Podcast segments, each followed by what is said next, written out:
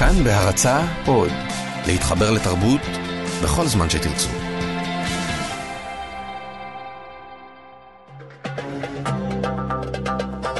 גם כן תרבות. עם גואל פינטו.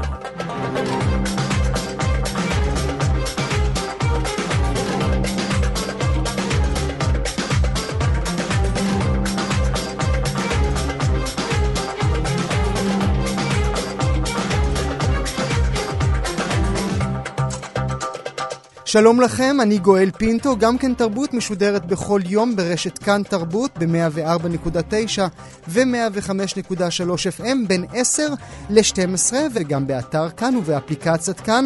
אתם עכשיו על פודקאסט גם כן תרבות במהדורת סוף השבוע, בה אנחנו אוספים עבורכם תצרף של קולות מעניינים שהושמעו בתוכנית היומית שלנו. תהנו.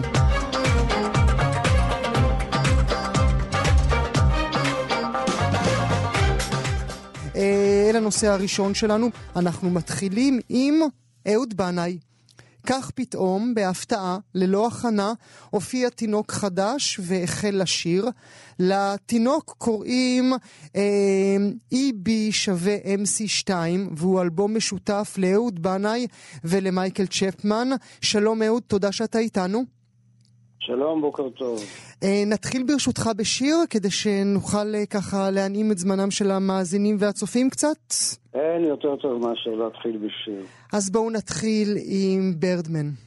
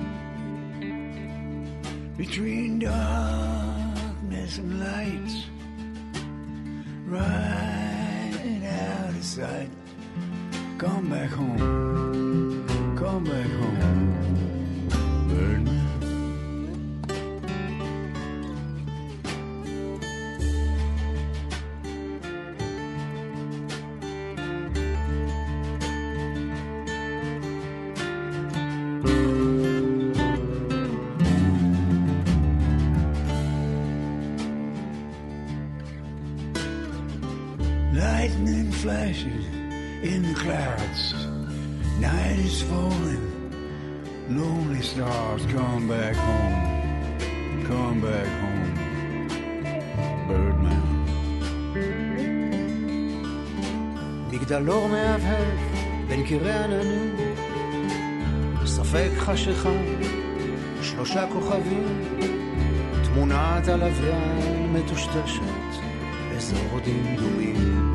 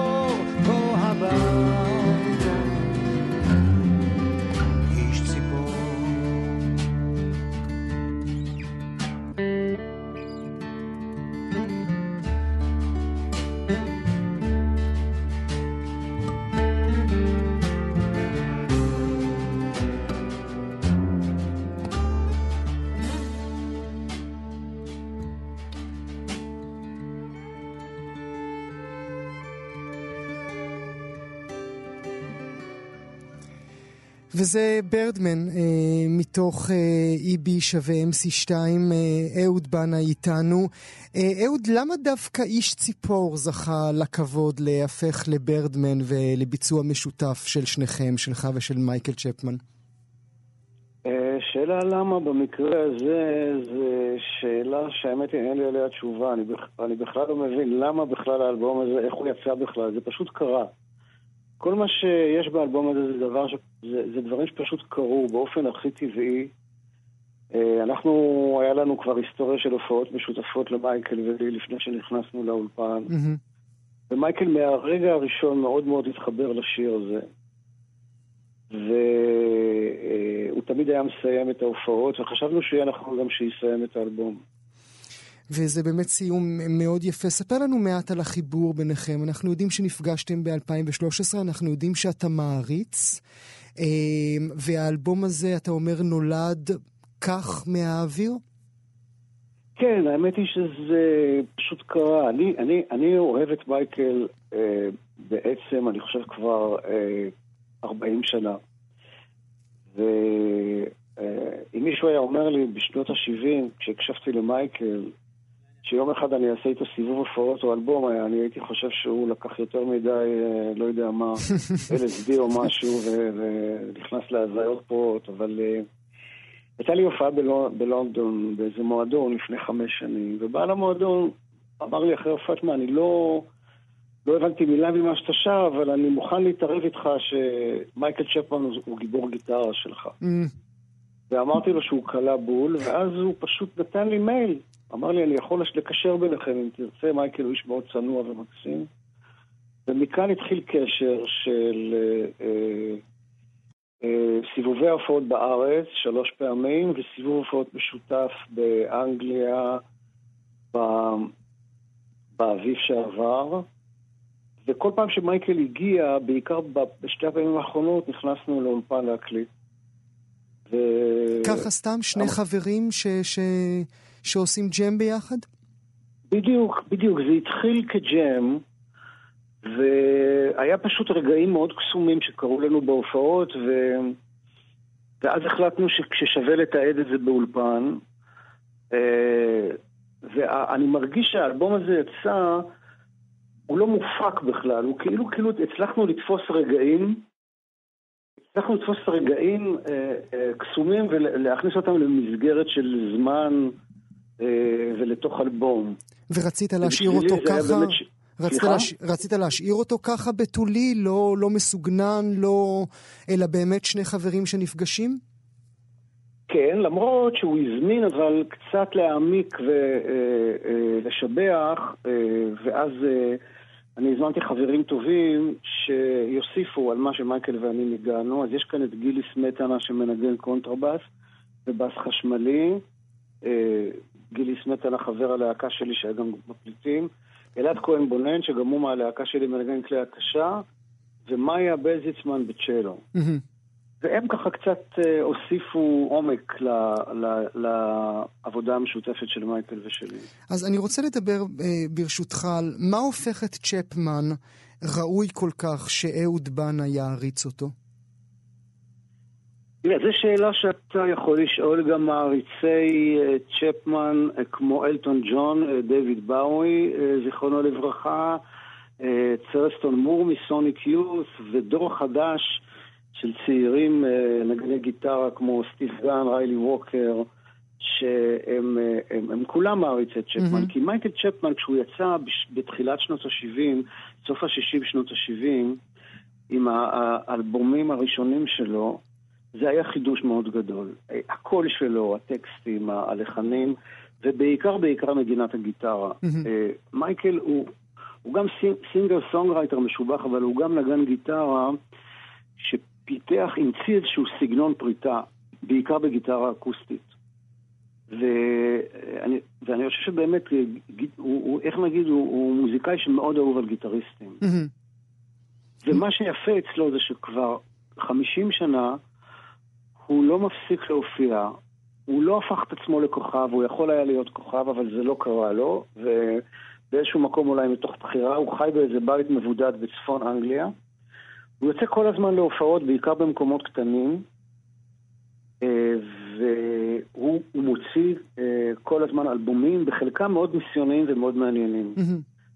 בפרויקט נגיד כמו שהוא עשה איתי, אז הוא עשה לפני שנה עם המוזיקאי האמריקאי סטיב גן, שהוא הרבה יותר צעיר ממייקל וגם הרבה יותר צעיר ממני למען האמת.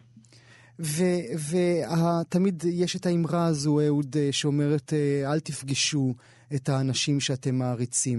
איך המשפט הזה אה, מתיישב על הפגישה שלך והעבודה שלך עם מייקל? הייתה לי הפתעה אדירה. האמת היא שאני אה, הזמנתי אותו לסיבוב הופעות בארץ, וסוכם שאני אפתח את המופע. וזה זה סיפק אותי לחלוטין. זאת אומרת, אני חשבתי ש- שמייקל צ'פמן מגיע לארץ ואני פותח לו מופע, אז זה נראה לי כבר, לא, לא צריך לבקש יותר מזה. ואז הוא מגיע לארץ, ועם אשתו המקסימה אמרו, והלכנו לאכול, והוא מתגלה כאיש חם מאוד, אה, חובב יין טוב. וישר בפגישה הראשונה הוא אמר לי, ומה, אולי ננגן משהו ביחד? Mm, ו... וזה פשוט קרה, הוא, הוא בן אדם מאוד אנושי, מאוד uh, פשוט ב- ב- בהליכות שלו, וזו הייתה באמת הפתעה. אני לא חשבתי גם שנעשה קטעים משותפים, אבל הקטע המשותף הלך בעצם, הלך וגדל, עד שבעצם בהופעה האחרונה, אני חושב שזה היה, רוב ההופעה הייתה, הייתה ביחד. בוא נדבר אה, על העברית. אתה כל כך מזוהה בעיניי לפחות עם העברית. איך אתה בכלל מתחיל להתקרב אל האנגלית? זה באמת שאלה. אני, אה, אה, אתה יודע, כשהתחלתי לנגן גיטרה, אז אה, שרתי באנגלית, בעצם. אה, ו... כי אתה יודע, השירים שלמדתי לנגן בגיטרה היו של בוב דילן, וליאונרד כהן וקט סטיבנס, שהם שרים באנגלית כידוע. ואחר כך אני ניגנתי במנהרות של הרכבות התחתיות בלונדון, באמצע שנות ה-70, וגם שם שרתי באנגלית. לכן בעצם היה איזה משהו טבעי בזה שאני לוקח גיטרה, והרבה פעמים גם אני כותב שיר, אז אני קודם כל שר באיזה מין, זה מין ג'יבריש, אנגלית ג'יברישית כזו. באמת? אם אין לי טקסט, כן. ואחרי זה אני כותב את הטקסט. אה, פה עם מייקל, אני אמרתי לו, תשמע, אה, אני יכול לשיר, אבל אני אשמע כמו איזה בדואי כזה, שאתה יודע, אני לא יכול לעשות באמת מבטא כמו שצריך, והוא הוא חשב שזה מקסים. ודווקא אני שר אה, את, ה, את האנגלית כמו, כמו בקטע שהוא טיפה מזרחי כזה, ולא מנסה, אתה יודע, להיות כזה וואו וואו, מבטא, ו... ואיכשהו אמרתי, אם זה עובר אותו, הוא, הוא, אני יודע שהוא בן אדם מאוד ביקורתי כלפי עצמו בעיקר, דברים שהוא עושה, וברגע שהוא אמר לי, זה אחלה, זה יופי, כאילו, בוא בוא תלך על זה, אז הרגשתי, הרגשתי נוח עם זה. ולמה האלבום אבל אני בהפ... לא שר הרבה באנגלית, האמת, למען האמת, אבל- באלבום. למה האלבום בהפתעה, אהוד? למה לא לעשות את מה שאנחנו רגילים? אה, בוא אני אשחרר אה, סינגל פה וטיזר שם, והודעה פה והודעה שם. למה ככה לעשות את זה ביונסה? תראה, אני אגיד לך, אני חושב שהיום גם חוקי המשחק השתנו. אני חושב שהיום כשאתה מוציא אלבום, הרבה פעמים, אתה יודע, כל העניין הזה של להיכנס לפלייליסט, וסינגלים, ופרומו, וכל המערכת הזאת, לתחושתי, כבר לא עובדת. מהמם. זה לא, זה לא מה שהיה פעם. אני מאמין היום שאתה עושה דברים, פשוט להוציא אותם, להוציא אותם החוצה, ולתת להם לעבוד, לתת למוזיקה להוביל בעצם. עכשיו, הפרויקט הזה עם מנקל הוא באמת יוצא דופן, הוא באמת שונה. אה, היה אולי יותר מתאים להוציא אותו בחורף, זה אלבום קצת חורפי, Mhm. אבל, אבל בגלל שיש מזגנים בפול ווליום, אז הוצאנו אותו גם עכשיו, כי לא יכולתי יותר לחכות, כבר רציתי מאוד להוציא אותו. אה, אז אה, אני לא יודע, אתה יודע, זה, זה כאילו פשוט קרה, האלבום קרה, הקלטנו, ואמרנו יאללה בואו נשחרר, נוציא. טוב, אני חושב שהאזכרה שלך את החורף באמת היא הגדרה מצוינת, כי כשאני האזנתי לו אתמול באמת הרגשתי במין התכנסות כזאת אה, מול אח דמיוני. כן, אה, נכון, ו- נכון. ואיזה סוודר גדול. אז אנחנו נסיים את השיחה ברשותך עם מה שמייצג גם בעיניי את האח הדמיונית הזאת, וזה ראש פינה, גם שיר מתוך, אה, מתוך האלבום. ואני אומר כן. שוב תודה, אהוד בנאי, EB שווה תודה לך, MC2. אדוני. תודה רבה, אהוד, ששוחחת איתנו. תודה רבה. אה, בשיחות הבאות אנחנו נשוחח נשוחח קצת על פייסבוק, על פניה היפות, המחברות ועל פניה המכוערות, המפרידות. אנחנו מתחילים ביפות. הצלמת טנג'ה הולנדר יצאה במסע בין 620 חברי הפייסבוק שלה, ביקרה בביתו של כל אחד ואחד מהם, את רובם היא כלל לא הכירה, וצילמה אותם בביתם. הצילומים הפכו לתערוכה שמוצגת בימים אלה במוזיאון במסצ'וסטס. אנחנו כל כך התאהבנו ברעיון הזה, שחשבנו לשאול מה הופך חבר לחבר בעיניך, ומה הופך חבר לחבר בעיניכם. Uh, אתם מוזמנים גם לכתוב לנו על זה, אנחנו נמצאים במסרונים של 055-966-3992, ובינתיים, עד שתחוו את דעתכם, נמצא איתנו דוקטור עופר נור, מומחה לתרבות דיגיטלית מאוניברסיטת תל אביב. שלום עופר. שלום לכולם. פרויקט מקסים, נכון? אה, פרויקט מקסים וגם מאוד מפתיע אה, ומאוד מיוחד לחלוטין. אה, מפתיע למה? משום שפעם ראשונה שמישהו באמת מנסה אה, להפר את, ה, את ההבדלה שאנחנו עושים בין חבר, mm-hmm. בין חבר אמיתי, חבר מפעם, לבין חו, החבר במרכאות, החבר של פייסבוק. אה, רוב האנשים עושים את ההבחנה הזאת, וגם כשמדברים על חבר... זה בא לנו בטבעיות כמעט, עופר. בא בטבעיות. כשאומרים חבר מפייסבוק, הרבה פעמים עושים גרשיים ככה, כן. כאילו, כאילו חבר. זה כאילו חבר. אז כל אחד, ברור, יש לי חברים בחיים, Mm-hmm. ויש לי חברים בפייסבוק, זה לא אותו דבר. אנחנו אפילו לפעמים, כשאנחנו משתמשים בשם התואר הזה, חבר, בנוגע לאנשים שאנחנו מכירים מהרשתות החברתיות, אנחנו גם טיפה אפולוגטים. כאילו, הוא לא באמת חבר, הוא, הוא חבר, הוא לא באמת חבר. נכון, יותר מזה אני רוצה להגיד לך, אני הלכתי ברחוב לא מזמן, ומולי הולך מישהו ברחוב. אוי, זה תמיד מביך, כן. כן, אני, אני מכיר אותו מאיזה מקום, איפה אני מכיר אותו? אה, אנחנו חברים בפייסבוק, אוי, אני, שאני לא רוצה להגיד שלום, אני לא רוצה לעשות stop and chat. כן, זה תמיד, זה תמיד, זה תמיד מביך. עכשיו, הגברת הזו, כי בכל אופן אנחנו, אנחנו תוכנית תרבות, הגברת הזו, אה, היא, היא, היא יצאה במסע ברחבי העולם, זאת אומרת, זה לא החבר'ה בשכונה שלה, זה אפילו לא החבר'ה במדינה שלה, אתה יודע, זה, היא יצאה במסע כי היא רצתה להוכיח מה בעיניך. נכון, לא שהיא רצתה להוכיח, היא רצתה לחוות, היא רצתה לבדוק מה, מה זה חבר היום. אתה יודע, פייסבוק כבר קיים מאז 2005, בישראל בערך מאז 2010. אנחנו כנראה עברנו פאזה. כנראה הייתה פאזה ראשונה שבה אנחנו מתחילים, אנחנו מתרגלים לנהל את העולם החברתי שלנו על פלטפורמה חברתית מקוונת. וזה אחרת. תסביר, ופתאום, תסביר. זאת אומרת, אתה יודע, הפלטפורמות המקוונות ליחסים חברתיים זה דבר שצץ רק מאז 2005. זה דבר חדש בעצם, זה קיים סך הכל 12 שנה. אוקיי. אה, למרות שהתקשורת שלנו באותם עולמות, הם, אה, היא הרבה יותר רחבה או הרבה יותר עשירה מהיחסים שלי עם החברים שאותם אני מכיר 20-30 שנה. בדיוק ככה, נכון, אבל קודם כל למדנו איך לנהל את זה, איך להתרגל לזה, איך עושים את זה, מה עושים, מה לא עושים, מה אומרים, מה אומרים בפומבי, מה אומרים בפרטי, איך, איך מנתקים חבר, כאילו למדנו לנהל את זה, זה, מהמם. זה כאילו קפץ עלינו יום אחד, ואנחנו, נראה לי ש...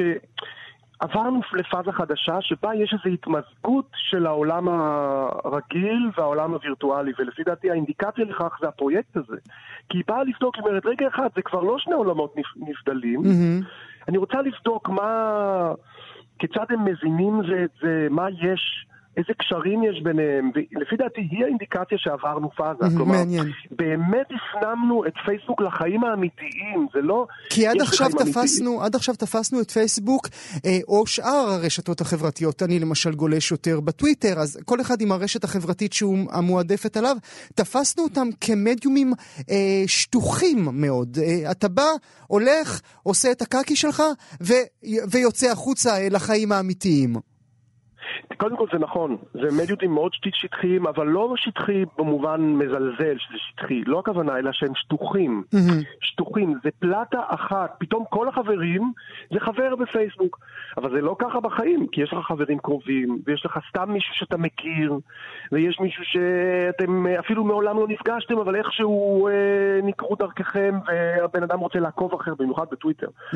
בסוף מה יוצא? שיש לך איזה 600 חברים, נגיד האישה הזאת יש לה 626 חברים, בעצם מבחינת פייסבוק הם כולם בסטטוס אחד, הם כולם חברים בפייסבוק, אבל במציאות חלקם הם חברים קרובים, חלקם הם לא, וגם נוצרים יחסים בין חברים קרובים לחברים לא קרובים, יוצר קנאה. אז אני רוצה להגיד, מצד אחד זה שטחי, אבל מצד שני, כמו שאתה יודע, זה מאוד מאוד רגשי. מהמם.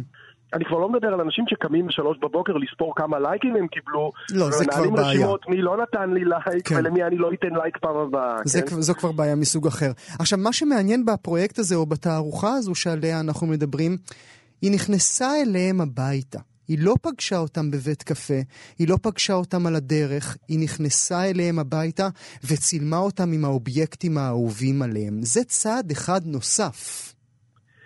נכון, היא באמת חוקרת את העניין הזה, היא רוצה לדעת מה אני יודעת עליהם, כיצד הם מציגים, כיצד הם יציגו את עצמם אליי, למרות שאולי מעולם לא נפגשנו, ודרך אגב, היא, היא דווקא מתאכזבת. יש איזה אה, מימד של אכזבה דווקא מהחברים הקרובים יותר, בעוד שיש אנשים שהיא לא הכירה והיא נסעה לאפגניסטן וכאלה מקומות כדי לפגוש איזה חבר שלה בפייסבוק ודווקא מאוד מאוד התאהבה כאילו. אה, נכון, נכנסה הביתה, היא ממש בדקה, היא ניסתה לבדוק לעומקה, לעומק, לעומק את ה... מה זה חברות. ומה זה חברות בעיניך?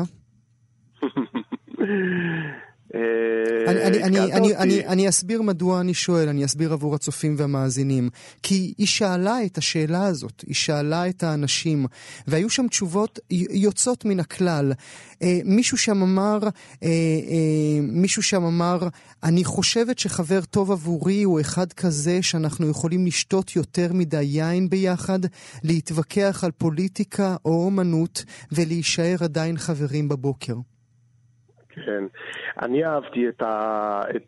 את... את ציטוט שהיא מביאה מחבר... מחברה אחרת שאומרת חבר טוב זה מי שכשאני אמות הוא ימחק לי את המחשב מיד. אז לזה אנחנו, כול, את זה אנחנו כולנו צריכים. אז מילה לסיום, ברשותך, דוקטור נור, מהו חבר בשבילך? חבר בשבילי זה מישהו שיהיה שם בשבילי תמיד. שיקבל אותי כמו שאני ויהיה נאמן אה, גם כשאני אכשל ואמעד. דוקטור עופר נור, מומחה לתרבות דיגיטלית מאוניברסיטת תל אביב, תודה רבה שהיית איתנו. תודה לכם. ועכשיו נעבור אל פניה המכוערות, המפרידות של פייסבוק. קשים חייהן של נשים ברשתות החברתיות, אנחנו כבר יודעים את זה, אולי זה, זה אולי דבר שגבר, לא משנה מה נטייתו המינית, אה, לעולם לא יבין. אה, בסוף השבוע אה, קיבלה העיתונאית והסטנדאפיסטית חגית גינזבורג, שגם נמצאת איתנו כאן באולפן, צופה כאן 11, יכולים לראות אותה. היא קיבלה תמונת עירום, עוד תמונת עירום צריך לומר, אה, מגבר זר. רק שהפעם נמאס לה לשתוק, ובמקום הנטייה הטבעית למחוק, לחסום, לשכוח מזה, היא עשתה מעשה. והיא שלחה את תמונת העירום לכל אחד ואחד מהחברים שלו. לכל אחד ואחד מהחברים שלו. שלום לחגית. אהלן. אה, זו החלטה, החלטה לא פשוטה לעשות דבר כזה. אה, האמת שזאת הייתה החלטה מאוד פשוטה. קודם כל, זו לא הייתה תמונה אחת, זאת, זה, היו כמה תמונות וסרטון. אה, מכל הכיוונים הוא שלו. שלח, כן, הוא עשה ממש פרזנטציה, הוא נתן לי את האפשרות לבחור בין גלריית אה, התמונות המגעילות שלו. אה, וזאת הייתה החלטה אימפולסיבית לגמרי, שלא יודעת, יכול להיות שביום אחר, בזמן אחר, פשוט הייתי עושה כרגיל בלוק ודיווח לפייסבוק וזהו.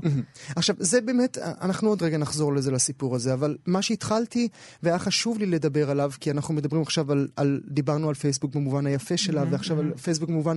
אה, חייהן של נשים ב, ב, ברשתות החברתיות זה משהו שאנחנו כמעט ולא מדברים עליו. אנחנו מדברים על כמה? על 20 בלוקים ביום שאת צריכה לעשות? אה, לא, זה... אני באופן אישי לא מקבלת אה, יותר מדי הודעות כאלה. אני חושבת שבגלל... אני מאוד אה, חשופה ומאוד בוטה, ויש לי הרבה עוקבים בפייסבוק ובטוויטר, אז, אז אני חושבת שגברים קצת מפחדים ממני. אה, אז לא, לא יותר מדי, אבל זה לא משהו שהוא לא מדובר, אגב, אנחנו פשוט מדברות על זה בקבוצות סגורות. יש- ביניכן. כן, יש קבוצות סגורות שאנחנו משוות צילומי מסך של גברים, כלומר הודעות פוגעניות שקיבלנו ודברים כאלה. יש את קבוצת גברים בפייסבוק שכל הזמן מציפה את הנושא הזה למעלה, אבל קצת נמאס לי כאילו שזה נשאר איזה שיח בתוך קבוצה סגורה ולא באמת כאילו, אתה יודע, אין, אין שום אלמנט של נקמה, ואני חושבת שנקמה זה חשוב, כאילו, כל הזמן, מישהי בדיוק, מישהי אתמול אמרה לי שיש לנו איזה חשש כזה להיתפס כאישה היסטרית. מה את עושה עניין? מה את כן, עושה עניין? עכשיו זה, אגב, אתה מדבר על הצד המכוער של פייסבוק, אני רוצה דווקא לדבר על הצד המכוער של טוויטר, כי אני סגרתי את ה user בטוויטר אחרי שמונה שנים. נדבר על זה עוד רגע, ועכשיו נחזור שוב צעד אחד קדימה או אחורה, וזה לגבי ההחלטה שלך. כן. לעבור חבר חבר, תשמעי, זה חתיכת עבודה, זה זה לא חצי היה, יום לא- עבודה. באופן מפתיע לאיש הזה לא היו יותר מדי חברים. כן. אה, אני בהתחלה חיפשתי את, את אימא שלו. אוקיי. אבל, ואז כש... זה מצוין. כן, כי אני מאוד לך, רציתי. אחד, אחד, אחד אחת ההטרלות הכי יפות שראיתי בחיי, אולי- את מכירה, אולי רבים, מישהי שבאמת בחור מקולג' אמריקאי שלח לה תמונת עירום שלו כשהוא זקוף, אם נאמר את זה כן, ככה, בצורה, בעדינות. היא, היא פשוט שלחה את התמונה לאימא שלו. כן, הרבה נשים עושות את זה. זה פשוט הרבה. נהדר. אבל לא תמיד אתה יכול למצוא את אימא שלו, לא כן. תמיד... אתה יודע, אני לא יודעת עד כמה הפרופיל הזה ששלח לי, עד כמה הוא אמיתי, עד כמה החברים שלו הם אמיתיים, אבל ראיתי שיש רשימה של 100 ומשהו איש. עברתי על הרשימה, ניסיתי לחפש איזו אישה מבוגרת וזה, אבל לא, לא מצאתי. אז אמרתי, למה שאני לא אשלח את זה לכולם בעצם? כאילו, מה, יש פה 100 איש, יום שבת בבוקר, יש לי זמן. זה לא לקח כל כך הרבה זמן, אגב, פשוט עשיתי copy paste, אז אה, זה לקח אולי 20 דקות. בהודעות פרטיות או ב... הודעות פרטיות. אוקיי, הודעות אי פרטיות. אפשר לפרסם לו על הוול, רציתי לשים לו את זה על הוול. אוקיי. אי אפשר לשים לו את זה על הוול. הודעות פרטיות שלשונן היה מה? היי, אה, חבר שלך או שלך אה, שלח לי את התמונה הזאת, חשבתי שתר, כאילו שתרצו לדעת מה חבר שלכם עושה ברשת לנשים רנדומליות. יפה. תגובות. תגובות מהחברים קודם, לפני הקהל. לא. היו המון תגובות. קודם כל, אני חייבת להגיד שהייתי חכמה ו... ושלחתי את זה מפרופיל פיקטיבי שלי, לא מהפרופיל שלי עצמי, כדי שאני לא אחסם על ידי פייסבוק, כי אסור להפיץ תמונות עירום. זה דבר אחד. דבר שני, את רוב התמונות השתשתי, כלומר, בהתחלה שלחתי את התמונות עצמן, ואז קלטתי שאולי זה רעיון לא כל כך חכם, גם לגברים, גם לנשים, אז שלחתי אותן מטושטשות. ת- מטושטשות שלו, אה, פנים שלו או לא, את האיברים שלו? הוא לא שלח את הפנים שלו, אה, הוא שלח. איברים, כן, אוקיי. הוא שלח רק איבר אחד לצורך העניין. אמ, ו... אה, התגובות? אז לא היו המון תגובות, הרוב התעלמו, בכלל לא ראו את זה, כי זה בטח הגיע להם לפילטרד מסג'ס והם לא, לא יודעים שזה שם. עוד יקבלו את זה פעם. הם עוד יקבלו את זה.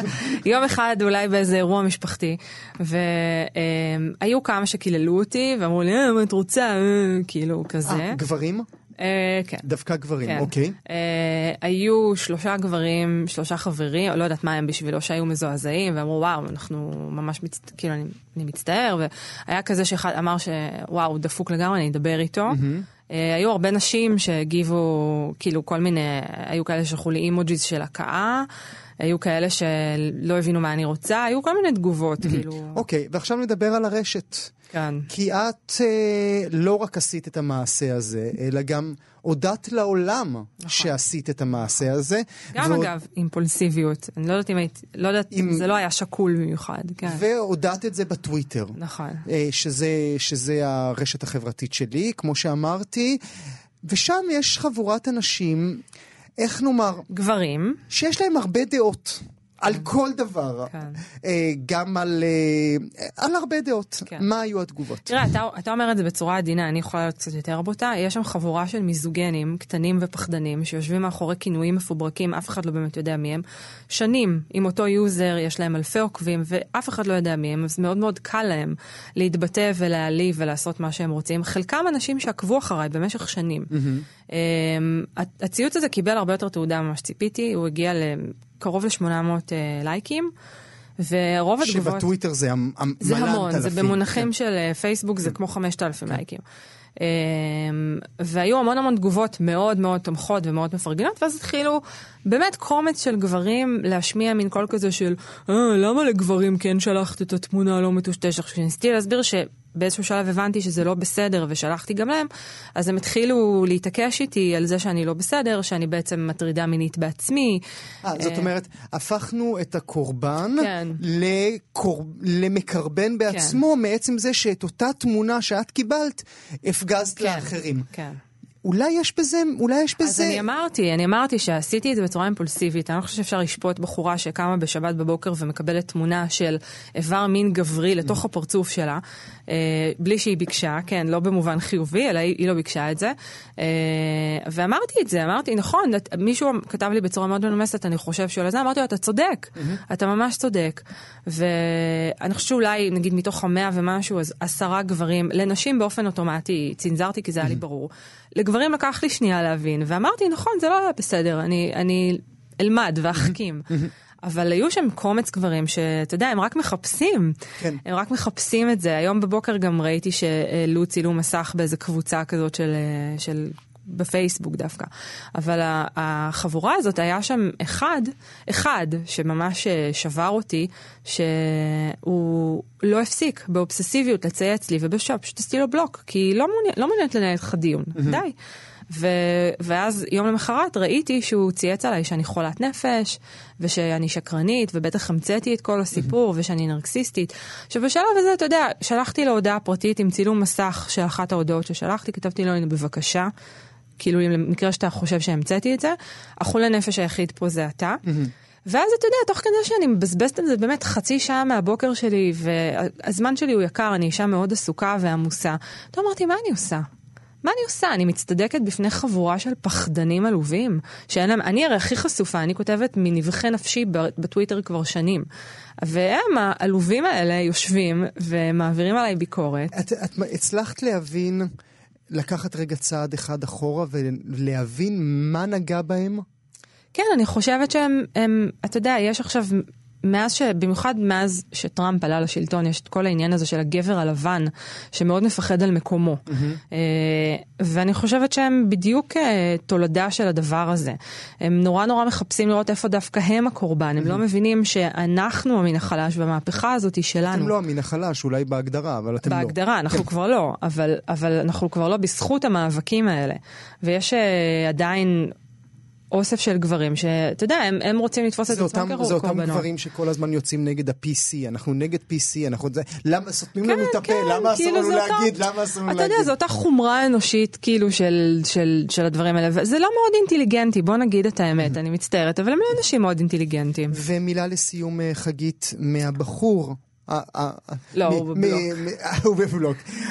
חגית גינזבורג, מאוד מעניין מה שעשית. באמת, למרות שעכשיו את טיפה ככה אומרת אימפולסיבי וטיפה חוזרת אני לא מצטערת על זה, אגב, אני אעשה את זה שוב. למי שישלח לי תמונה של איבר המין שלו, זה מה שאני אעשה.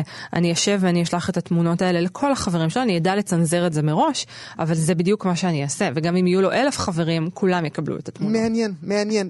כתבו לנו, תגידו לנו מה אתם חושבים. חגית גינזבורג, עיתונאית וסטנדאפיסטית, תודה רבה תודה שהיית רבה. איתנו, תודה שבאת לכאן. גם כן תרבות. ועכשיו אנחנו עוברים אל גאווה ישראלית אה, משמחת עד מאוד. בסוף השבוע התקיים אה, טקס בהלסינקי, אה, טקס פרסי אוגו, שזה טקס פרסים ותיק מאוד לספרות מדע בדיוני, החשוב ביותר בעולם, צריך לומר.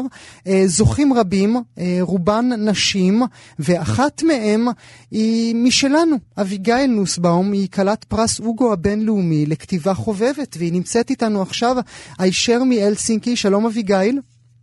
שלום. ברכות. תודה רבה.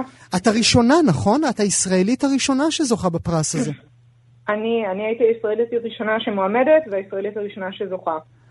התרגשות ממית- אמיתית. ממש התרגשות, וזה גם בא לידי בהפתעה, מאוד מאוד התרגשתי. ספרי לי מה זה אומר כתיבה חובבת עבור המאזינים והצופים שלנו שפחות מכירים את הז'אנר. כתיבה חובבת זו הגדרה מאוד רחבה בכוונה. Uh, השנה דווקא אחד מהמועמדים היה בכלל הומוריסט, מהמם. uh, אבל בגדול מדובר בכתיבה שנעשית uh, במקורות שלא למטרת רווח, וכתיבה לא בדיו, uh, בדיונית, כתיבה uh, של ביקורת או, או חוות דעת. מהמם. ושנעשית, נגיד, במקרה שלי, בבלוגים, במגזינים אינטרנטיים, אבל במקור, כשהפרס בכלל נוצר, זה היה במגזינים חובבים שאנשים היו אה, מדפיסים ומצלמים ושולחים זה לזה אה, ש- בדואר. שכות... ש... ש... שכותבים בהם מה, אביגיל? אה, ביקורות. אה, בעיקר ביקורות, ביקורות על ספרים, ביקורות על סרטים.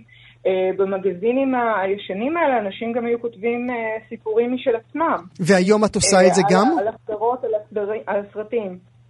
היום את עושה את זה גם? את כותבת משל עצמך? אני לא כותבת סיפורת. ה- הבלוג שלי הוא בעיקר אה, ביקורת ומאמרי דעה אה, על ספרים, על סרטים, על טלוויזיה. ועדיין אני אומר אה, כבוד מאוד גדול. כיצד מגיעים להיות מועמד לפרס ההוגו? טוב, הפרס הוא פרס דמוקרטי, זה פרס שמצביעים עליו כל חברי הכנס. מהמם. אה, ויש שני שלבים אה, שלוקחים כמה חודשים. השלב הראשון אה, הוא שלב המועמדויות. אנשים מגישים, מצביעים למועמדים. ובשלב השני, לאחר ששישה מועמדים נבחרים בכל קטגוריה, מצביעים לזוכה.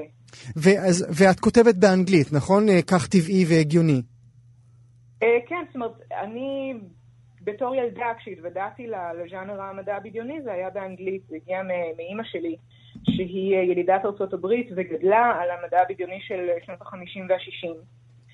והיא, כשאני הייתי ילדה, היא הציגה אותי לז'אנר הזה. מהמם. ואני גדלתי עליו בתור ז'אנר באנגלית, ולכן כשהגיע הזמן לכתוב עליו, זה, זה היה באמת מאוד טבעי לי לכתוב באנגלית.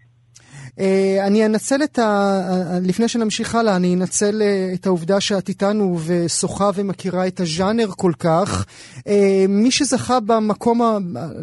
בקטגוריה אולי החשובה ביותר, תקני אותי כמובן, זה האובליסק של אה, אה, ג'מי סין. קראת אותו? ספרי לנו משהו עליו. כן, זה ספר מעולה.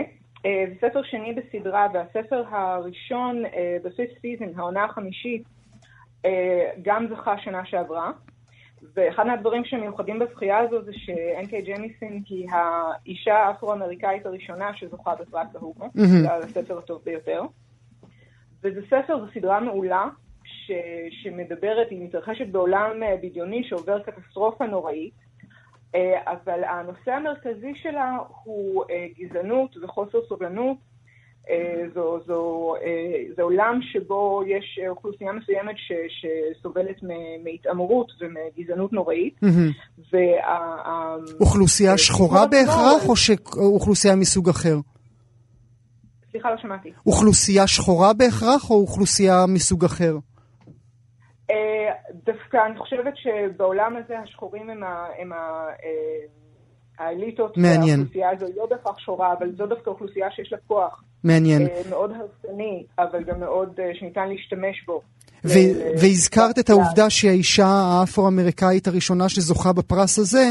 אה, נזכיר שלפני כמה שנים היה, הייתה שערורייה גדולה סביב פרס ההוגו, אה, בו טענו, בשערורייה טענו שבעצם רק גברים לבנים זוכים בו כל הזמן, והנה השנה, 2017, רוב מוחלט של נשים זוכות בכל הקטגוריות. כן, ההוגו עבר אה, ממש מהפכה בעשר השנים האחרונות, אה, אה, עם היכולת שלו לזהות את העשייה של נשים בכל התחומים, הכתיבה והכתיבה הביקורתית וכל התחומים האחרים. באמת, כל, כמעט כל הזוכות השנה היו נשים או זוגות של נשים וגברים, וזה באמת גאווה עצומה. את יכולה לנסות לתת לי כותרת על הסוגה? מה, מה, מה מייחד אותה כל כך, או מה מושך בה כל כך קהל רחב? אני חושבת שהמדע הבדיוני אה, הוא ז'אנר ששואל, למעשה הוא עושה את שני הדברים. הוא שואל שאלות עמוקות ורלוונטיות ולפעמים מאוד כואבות לרגע הזה שלנו, ומצד שני הוא גם אה, מאפשר לה- לדמיון פשוט לפרוח לכל כיוון, והשילוב של שני הדברים האלה בו בזמן הוא פשוט, ברגע שאתה נחשף אליו כבר אי אפשר, אי אפשר בלעדיו. אה, אה, וצריך לומר משהו על הקהל הישראלי, הוא, הוא לא גדול. תראה, בוורלדקון עצמו הייתה דווקא אה, נוכחות ישראלית. אני בדקתי דווקא עכשיו באתר, היו 35 אה, חברים ישראלים של הכנס, מהמם. אבל בארץ גם יש אה, אה, אה, קהילה של חובבים, יש אה, אה, אגודה למדע בדיוני ופנטזיה ישראלית שעורכת כנסים. אה, בסוכות הקרוב יהיה בסינמטק תל אביב אה, כנס אייקון שמתקיים כן, זה ברור. ל-20 שנה ו-. ובכל, ובכל זאת ספר שיצא בסוגה הזאת לא, לא יימכר באלפי עותקים. אה, אני לא יודעת כמה ספרים בארץ נמכרים באלפי... כן, זה גם נכון. כן, זה- זה זה סוג קטן יותר. זה, זה גם נכון. אה, אה, ספרי לי קצת על הטקס. הטקס עצמו היה מאוד מפואר. אה, ואנשים לוקחים אותו מאוד ברצינות, מלות ערב וכל זה. היה לך מה ללבוש? אה, אה, לא שמלת ערב, אבל כן. אה, וגם אה, הוא היה מאוד מאוד בינלאומי בכוונה, מכיוון שזה זה, זה היה כנס שמתכנס בהלסינקי השנה. אה, הוא משנה את מיקומו כל שנה. ולכן הביאו הרבה סופרים ויוצרים מרחבי העולם שיגישו אה, פרסים. זה היה מאוד מעניין, מאוד יפה. אז מי הגיש לך את הפרס? אה, הגישה לי סופרת ויוצרת אה, שוודית, שאת שמה אני לא כל כך זכרתי, כי כל כך התרגשתי. מהמם. אה, אבל היו, היו שם סופרים אה, מניגריה ומסין ומיפן, אה, מכל רחבי העולם. טוב, באמת אה, מאוד מרגש, זו גם, גם, גם גאווה עבורנו. אביגיל, תמכרי את, את עצמך קצת, תשלחי אותנו לבלוג שלך. Uh, הבלוג שלי קוראים לו Asking the Wrong Questions. אוקיי, שואלים את השאלות הלא נכונות, מה שאני מקווה שאני לא עשיתי בריאיון הזה. ודאי שלא.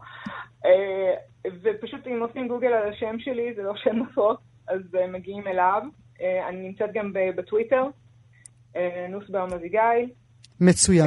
ושם אני גם שמה לינקים. אני גם בשנה האחרונה כותבת טור בעיתון האנגלי, ה-New Scientist. על מדע בדיוני עדכני. תשמעי, אה, אנחנו שמחים עבורך, זה פרס שאנחנו עוקבים אחריו, ובאמת לראות את השם שלך בין הרשימה הארוכה והיפה הזאת. מאוד שימח אותנו. אביגיל נוסבאום, כלת פרס אוגו הבינלאומי לכתיבה חובבת, תודה רבה שהיית איתנו. תודה לך. עכשיו אה, לנושא הבא שלנו, אה, שמעו סיפור מקסים. לפני מספר ימים הגיע אל מוזיאון ישראל, הגיע אל מוזיאון ישראל מעטפה, בתוכה כמה גרעיני חמניה. ואלה לא היו סתם גרעיני חמניה, כאלה שקונים בפיצוציות, אלא כאלה שנלקחו, שלא לומר, נגנבו מהתערוכה של איי ווי ווי המוצגת בימים אלה במוזיאון ישראל. איתנו רן ליאור, מנהל השיווק של המוזיאון. שלום רן. בוקר טוב גואל, מה שלומך? ספר לנו את הסיפור. תשמע, האמת שזה עניין מדהים, כי התערוכה הזאת כבר הפכה לסוג של תופעה. המעטפה שסיפרת עליה, אה, זו למעשה המעטפה השנייה שכבר מגיעה. השנייה? אנחנו, אוקיי. השנייה. אה, אנחנו, אתה יודע, בכל יום אה, מגיעים לדואר, אוספים את מה שיש, ופתאום אנחנו מרגישים איזו מעטפה שיש בה איזה משהו. אנחנו מסתכלים עכשיו, משהו משותף לשני המקרים האלה, אין שמות על המעטפה, רק כתוב לכבוד מוזיאון ישראל, לא כתוב מי השולח. אה, ואז אנחנו פותחים ורואים בפנים תמיד איזה חמישה, שישה גרעיני חמניה, שאנחנו כבר מזהים אותם יפה מאוד. כמה כל אה, אחד מהם לקח? אה, אנחנו, תראה, אנחנו יודעים כמה כל אחד מהם החזיר. כמה... יפה אמרת. כמה כל אחד מהם החזיר? כל אחד מהם החזיר אה, חמישה, שישה פריטים. אוקיי. עכשיו, מה שמדהים פה, הרי אתה יודע, אנחנו מדברים על גרעיני החמניה, בתערוכה יש... אה, אוקיי, נכון, אתה צודק, ספר, ספר. אז אני אומר, עכשיו כבר מותר לספר, בתערוכה יש 15 מיליון 333 אלף 333 גרעיני חמניה עשויים מפורצלן. אגב, עבודת יד של 1,600 פועלים סינים שעבדו על זה במשך שנתיים. כולם קיבלו שכר אה, הוגן כמובן. אה, ולמעשה, זו יצירת אומנות אחת שמורכבת מיותר מ-15 מיליון יצירות אומנות קטנות. אז בכל מעטפה שכזאת... שכל אחת מהם נצבעה ב- ביד אומן, אחד גרעין גרעין. בדיוק, אין שני גרעינים זהים בתערוכה הזאת, זה, זה, זה קטע מדהים. אה, אז למעשה בכל מעטפה כזאת היו חמש יצירות אומנות קטנות. כן. עכשיו, הם פשוט, אה, צריך לומר, הם הגיעו לתערוכה, התכופפו בטעות, ו... ו... וגרעין מצא את אה, מקומו בכיס. והרימו חופן. נכון. שמע, יש לנו פה, יש אה, לא מעט מאבטחים סביב היצירה הזאת. עכשיו, היצירה הזאת הוצגה גם אה, במוזיאון הטייט בלונדון, וגם שם אה, הרבה הרבה מבקרים, בוא נגיד שחלקם גם ישראלים, לקחו מזכרות הביתה. בגדול, כשמגיעים ליצירה, אנחנו אה, אוסרים לגעת בגרעינים, לכן עשינו, אתה לא תאמין, פינת ליטוף לגרעינים. לקחנו כמות מסוימת של גרעינים, שמנו בתוך איזה תיבה כזאת שאנשים יכולים ממש לבוא ולגעת ולהרגיש, גם להרגיש איך, איך מרגישה יצירת אומנות כזאת. אה, אז אנחנו, אתה יודע, מנסים לפתוח כמה שיותר, אבל לקחת הביתה זה כבר אה, זה כבר מוגזם. אוקיי, עכשיו בדיוק. אה, אה, אנחנו יודעים על שתי מעטפות אה, ש- ש- שהגיעו אליכם, אנחנו לא יודעים כמה נלקח מכם, אה, אז איך בעצם אתם ממלאים את החסר? אה, מראש לקחנו כמות אה, גדולה יותר של גרעינים ממה שאנחנו מציגים. זאת אומרת, במחסנים ו- יש לכם אה, מין אה, שק גרעינים מפורצלן? אנחנו לא משרד האוצר, יש לנו רזרבות שאנחנו שומרים ליום שחור, ליום סגריר. תראה, בסוף אנחנו, אנחנו גם אה, כן רוצים להיות הוגנים כלפי המבקרים שלנו, ואנחנו גם סומכים על המבקרים שלנו. בסוף אנחנו סומכים על זה שאדם שמגיע לתערוכה, מבין גם את החשיבות של זה, ואתה יודע, אתה נכנס לתערוכה של איי ווי ווי, אתה לא יוצא כמו שנכנסת, זה עושה לך משהו. אה, ואנחנו, כן, אתה יודע מה? עובדה שאותם אנשים שהגיעו הביתה, הרגישו אחר כך לא נעים. ושלחו לנו. כן, כי זו- לא מגבת מאיסטנבול, כאילו, חברים, בואו לא נגזים. אה, בואו נדבר על איי ווי ווי, אה, ספר לנו כמה מבקרים הגיעו אל התערוכה. עד עכשיו, אנחנו כבר עברנו את המאה אלף מבקרים. אה, מזל טוב. אה, תודה, תודה רבה, בפחות אה, מחודשיים. מהמם. אה, שזה עניין מדהים, תשמע, התערוכה הזאת באמת הפכה לתופעה. אז תן לנו, ענק. לפני התופעה, תן לנו אינדיקציה אה, על מספר מבקרים בתערוכות אחרות, כדי שנוכל להשוות ביניהם, האם 100 אלף הוא אכן מספר מרשים? 100 אלף אה, לביקור בתערוכה בישראל זה מספר מדהים. אוקיי, אנחנו מדברים, יש מוזיאונים שזה רבע מהמוזיאונים גדולים בישראל, נגיד, שזה רבע מהכמות השנתית של המבקרים שלהם, בכלל, בסך הכל. רבע מה... אה, אוקיי. זאת אומרת... עכשיו, אנחנו מדברים על 100 אלף מבקרים רק בתערוכה הזאת. בלי קשר לאגף ארכיאולוגיה וכולי. זו כמות באמת אה, מדהימה. אני לא רוצה להיכנס עכשיו לתחרות בין תערוכות וכולי, אבל אתה רואה שזה באמת, בכוונה גם אמרתי מקודם תופעה, זה באמת משהו שאנחנו פחות מכירים. אה, התגובות של הקהל. קודם כל, התערוכה הזאת חיה ברשתות החברתיות.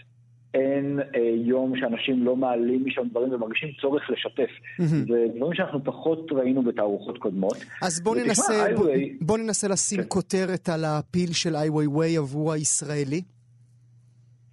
אני חושב שאנשים מבינים שזה... שכשיש לך קומה שלמה במוזיאון, שהיא כולה מורכבת מתעתועים מונומנטליים של אחד האמנים הכי מוכרים ומצליחים היום בעולם, הם מבינים שזה משהו שהם צריכים לראות. אמ, ואני חושב שהסיפור שהם יוצאים איתו, התובנה שהם יוצאים איתה מהתערוכה, זו תובנה שממשיכה גם להדהד כמה ימים אחר כך. אה, אנחנו לא נתאר עכשיו את כל התערוכה, אבל כל התערוכה הזאת היא בעצם בנויה, תראה, איי איי איי הוא בן אדם, הוא לא בן אדם תמים, הוא טומן הרבה הרבה הרבה מלכודות למבקרים. וכל התערוכה הזאת היא תעתועים מונומנטליים שמכניסים אותך למלכודת. אתה רואה משהו שבהתחלה הוא נראה לך הדבר הכי נעים וחמוד בעולם, ואז אתה מתקרב ומתעמק ואתה מגלה שזה בעצם מדבר על אחד הכתבים השחורים ביותר בהיסטוריה של המין האנושי. מהמם. אה, בלי להזכיר עכשיו את שמות של העבודות, כי אני לא רוצה לעשות ספוילרים. אה, וזה גורם לך לחשוב, האם כל דבר שאנחנו שומעים, בעיקר גם בתקופה הזאת, זו תערוכה שגם מאוד מתאימה לתקופה הזאת. אה, מתאימה מאיזו בחינה, רן? בעידן ה fake news. אה, האם כל דבר שאנחנו שומעים הוא אמת? אולי, אולי לא. מפה גם מגיע שם התערוכה. אה, הקשר שלכם עם איי ווי ווי ממשיך גם אחרי שהתערוכה כבר במקומה? כן, ודאי. איי הוא, קודם כל מאוד מעניין אותו לדעת איך התערוכה מתקבלת. אה, הוא היה פה בפתיחה. אה, הוא נשאר גם כמה ימים אחרי. כל הקשר איתו התחיל, האמת שזו תערוכה שנולדה time, התחילה לפני שנה. לפני שנה בהתחלה דיברו על אה, משהו מאוד מוגבל, ופתאום זה הלך והתרחב והשתלט לנו על כל הקומה. כשצריך אה, להסביר למאזינים והצופים שלנו, אה, הקמת תערוכה זה משהו שבדרך כלל לוקח שלוש-ארבע שנים, זה לא משהו שעושים. מהיום למחר. בדיוק, לוח התערוכות שלנו סגור מראש לשלוש שנים הקרובות, בדרך כלל. והתערוכה הזאת, ברגע שמגיע לך איי-ווי, שאיי-ווי הוא אומן בקנה מידה שהוא בוחר באיזה מוזיאונים בעולם יציגו את הארוחות שלו. וגם הבחירה שלו להציג בישראל היא לא בחירה מובנת מאליה, וניסו למנוע וזאת, ממנו בכלל להציג וזאת פה. באמת השאלה הבאה שלי, הרי איי ווי בהחלט מוכר כ, כאומן אה, פוליטי מאוד, הוא גם אפילו בתערוכת אה, הגדרות האחרונה שלו, החומות האחרונה שלו, אה, ישראל באיזושהי צורה מוזכרת, הוא גם היה פה בין ישראל לרשות הפלסטינית לפני כשנה. איך הוא הסכים בעצם לעשות תערוכה קומה שלמה במוזיאון ישראל? זה אפילו יותר מסכים, הוא היה הרבה יותר אקטיבי מזה. ואנשים ששאלו אותו על זה, ואנשים שניסו לשכנע אותו לא לבוא, אז הוא אמר להם, תקשיבו, איפה אתם רוצים שאני אציג? איפה? בבייג'ינג? אולי במוסקבה? אה, אני רוצה אה, לספר את הסיפור שלי לקהל. למה שאני לא אספר אותו? והקהל באמת מגיב לזה. במיוחד הקהל הישראלי, כמו שאתה אומר, אה, רן, אה, סיפור מקסים והצלחה רבה לתערוכה הבאמת נפלאה הזאת, ואם אתם לא, אה, אם אתם לא מתוך מאה אלף שכבר ראו וצפו בה, אז לכו תעשו את זה. רן ליאור, מנהל שיווק מוזיאון ישראל, תודה רבה שהיית איתנו. תודה גואל, יום טוב. כאן הגיעה לסיומה תוכנית נוספת של גם כן תרבות. תודה רבה שהייתם איתנו. תודה לעורך נדב אלפרין, למפיק שלומי בן עטיה. אנחנו כרגיל שולחים אתכם אל עמוד הפודקאסטים שלנו כאן.org.il/פודקאסט, יש שם המון דברים טובים, שיהיה לכם כיף להאזין להם. תודה רבה שהייתם איתנו.